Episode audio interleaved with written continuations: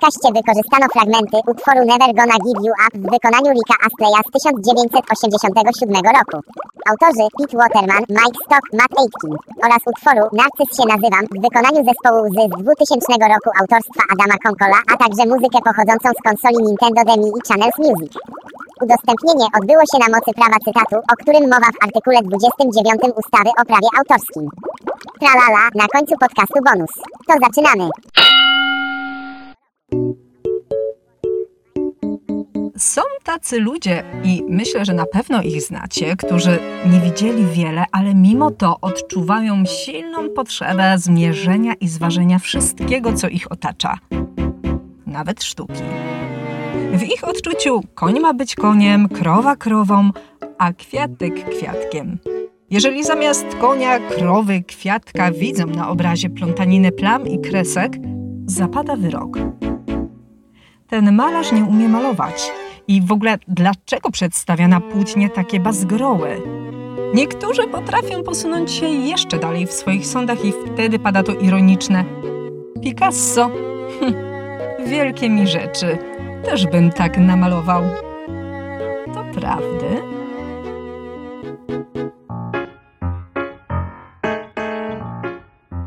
Kto może jeść rybę nożem i widelcem?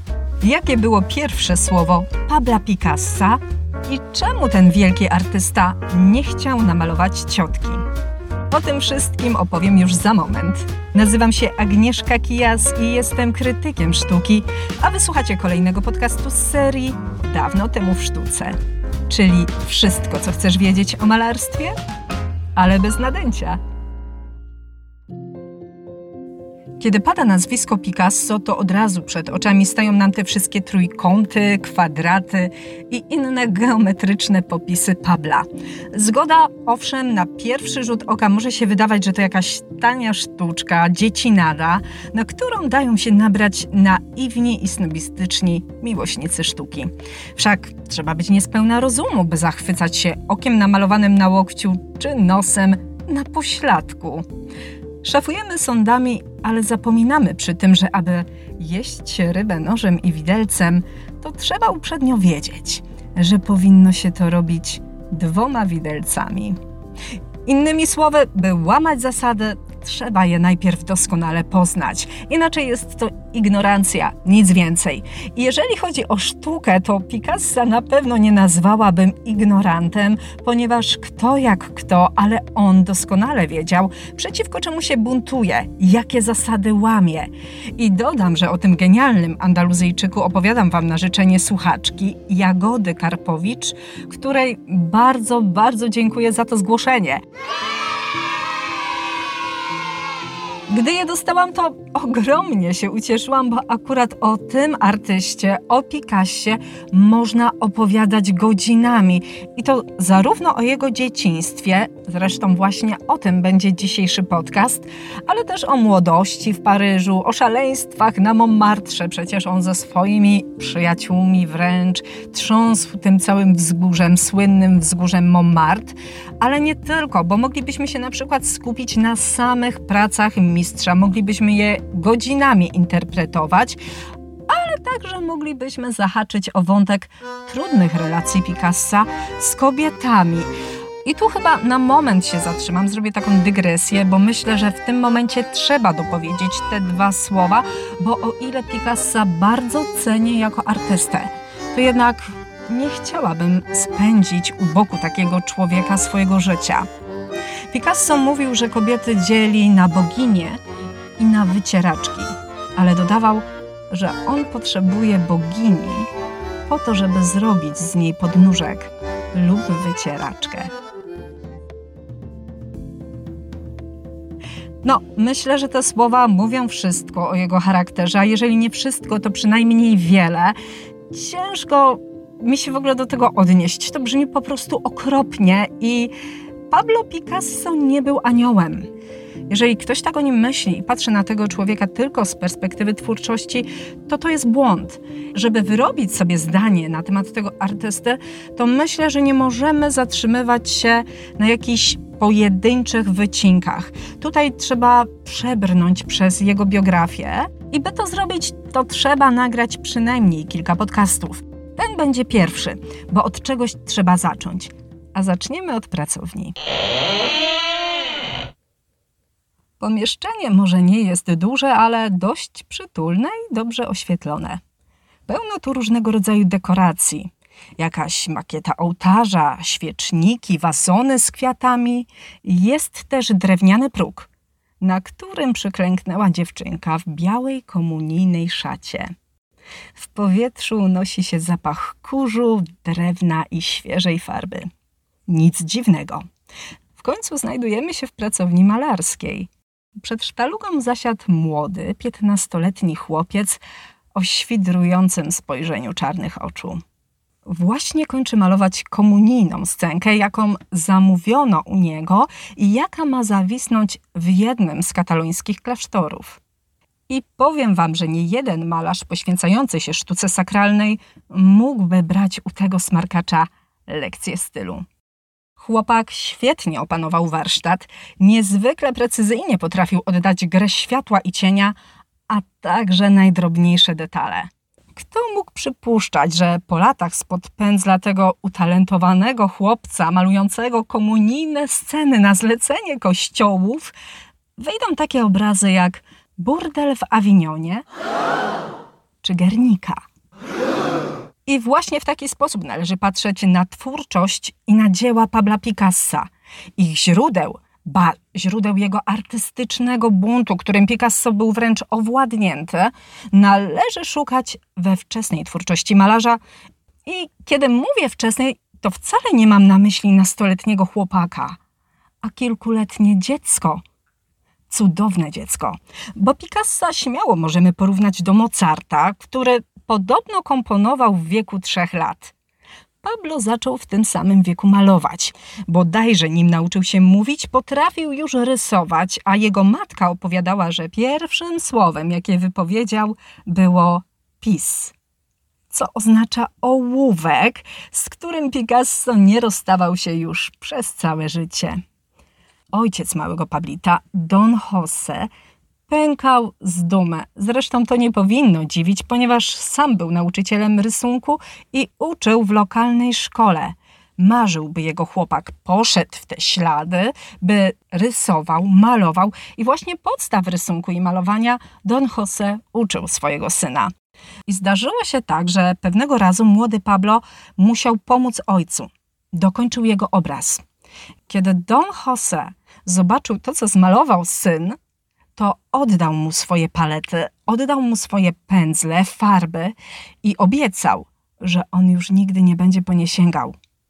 Co prawda, słowa nie dotrzymał, ale to już niewiele znaczy. Chodzi o ten gest, o to, że widząc postępy swojego syna, po prostu oniemiał. Wiedział, że jego rozwój jest po prostu tak eksplodujący, że Don Jose ze swoim talentem, no, mógł się po prostu schować. Natomiast oprócz malarskiej pasji, Don Jose zaszczepił w młodym artyście jeszcze jedno zamiłowanie. Zamiłowanie do walki byków. Zabierał chłopca na arenę, gdzie Pablo mógł obserwować ten słynny taniec Matadora ze śmiercią i trzeba przyznać, że Picasso zafascynowany był tym barbarzyńskim ceremoniałem. I tu ciekawostka. Jego pierwszy obraz olejny, który namalował mając zaledwie 8 lat, stworzył właśnie pod wpływem tej inspiracji.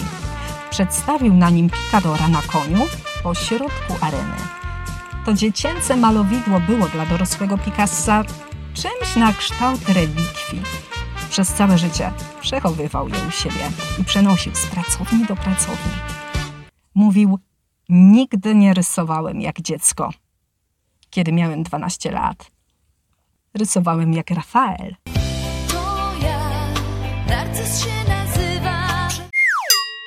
No cóż, skromnością to on nie grzeszył. Ale co się dziwić, skoro w wieku 15 lat za namową ojca stworzył monumentalne dzieło Wizyta u chorej. Cały obraz utrzymany jest w akademickim stylu i powstał dosłownie pod dyktando Don José. On zresztą też zmienił tytuł obrazu na taki bardziej pompatyczny Wiedza i miłosierdzie. No musicie przyznać, że patos aż wyziera. I faktycznie na obrazie widzimy lekarza, który w skupieniu bada puls chorej dziewczyny. Ta leży w łóżku i widać, że jest bardzo osłabiona. Obok stoi zakonnica. Jedną ręką podaje chorej kubek z ziołową herbatką, a w drugiej trzyma dziecko. No, prawdopodobnie jest to dziecko chorej kobiety. Obraz jest, cóż tu dużo mówić, spektakularny. Więc jeśli ktoś uważa, że on też potrafi malować jak Picasso, no to spoko, proszę bardzo, namaluj wiedzę i miłosierdzie, bo to stworzył piętnastolatek i to piekielnie utalentowany. No, ale jak wiadomo, w życiu sam talent niekiedy nie wystarcza, niekiedy to jest za mało i by Picasso mógł się rozwijać, potrzebny był protektorat. Do tej roli, do roli mecenasa młodego Picassa, wyśmienicie nadawał się jego bogaty wuj. Wuj Salvador. I można powiedzieć, że gdyby nie wuj, to nie byłoby Picassa. I to nie tylko w sensie artystycznym. Otóż chodzi o to, że Picasso urodził się martwy. Nie oddychał. Poród odbierał doktor Salvador, czyli stryj noworodka. W obliczu tego dramatu był bezradny, a jednocześnie tak wstrząśnięty, że odruchowo zapalił cygaro. Zaciągnął się i nie wiedzieć czemu, dmuchnął dymem prosto w zastygłą twarzyczkę dziecka. Wtedy stał się cud. Noworodek zaczął krztusić się, kaszleć, ożył. Można powiedzieć, że ten jeden, jeden raz tytoniowy dym zamiast śmierci przyniósł życie. Zresztą tej anegdoty Picasso używał bardzo często, żeby wytłumaczyć swój nauk. On mówił: Mnie dym zrodził, jestem zrodzony z dymu. Zresztą ciężko w ogóle powiedzieć, czy ta historia wydarzyła się naprawdę, ponieważ wokół malarza narosło tyle mitów, że dziś nie sposób jest rozdzielić tego, co rzeczywiste, od tego, co jest fikcją, zresztą najczęściej wymyśloną przez Picassa, ponieważ on sam potrafił opowiadać jedną historię na tysiąc sposobów. Dla przykładu, raz przekonywał, że urodził się punktualnie o północy, by przy innej okazji zarzekać się, że miało to miejsce 15 minut przed dziesiątą. Z kolei w dokumentach, jakie zostały dostarczone do merostwa jako godziny narodzin Picassa, wskazano 11.15. Ale to przecież wcale nie jest istotne. Ważne, że 25 października 1881 roku przyszedł na świat geniusz, który zrewolucjonizował malarstwo.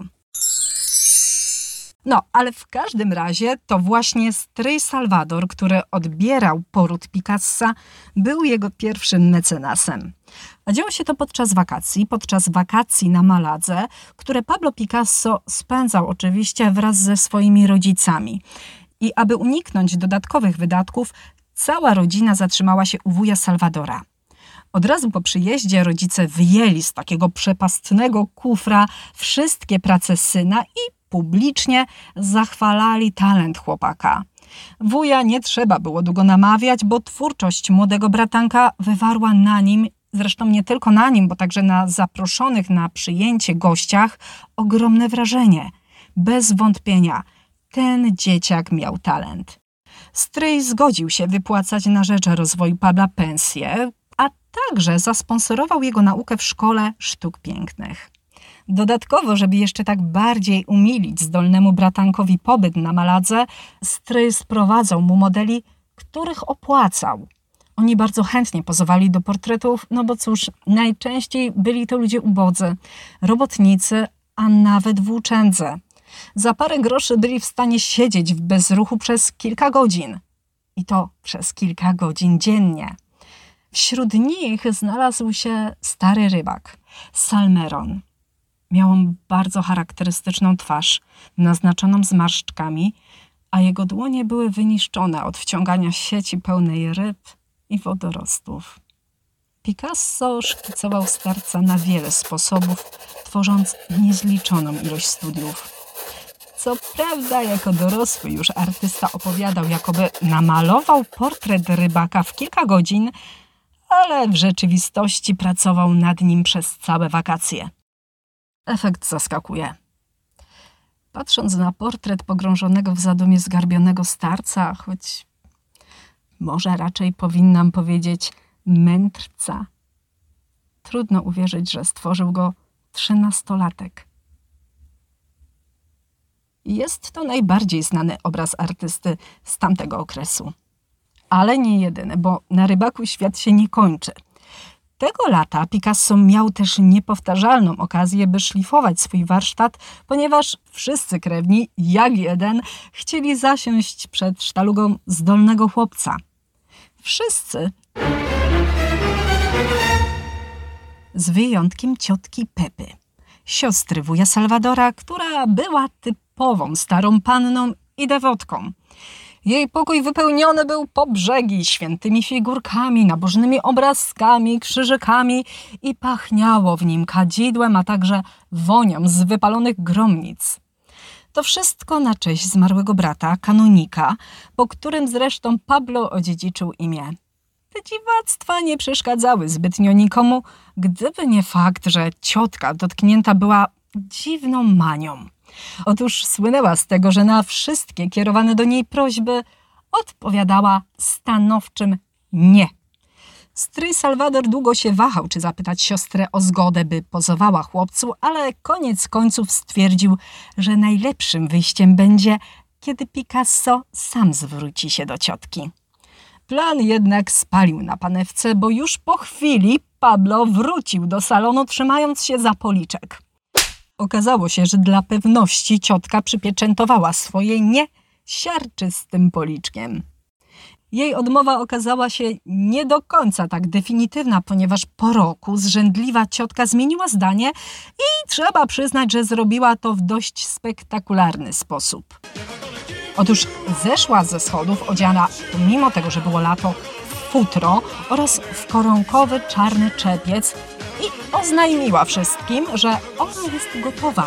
Następnie bezceremonialnie udała się do pokoju Pabla, zasiadła na krzesełku i czekała. Oszołomiona Donna Maria, matka Picassa, natychmiast poderwała się na równe nogi i pobiegła do ogrodu, gdzie jej syn bawił się z kuzynami. Pomimo próśb matki, Pablono nie miał zamiaru portretować ciotki, bo doskonale pamiętał o policzku i teraz ani mu w głowie było spełnianie zachcianek zrzędliwej starej panny. Jednak matka nalegała, a takim argumentem, który trafił do chłopca było zrób to dla stryja Salwadora. Wtedy Picasso przekalkulował i doszedł do wniosku, że faktycznie to mu się opłaca.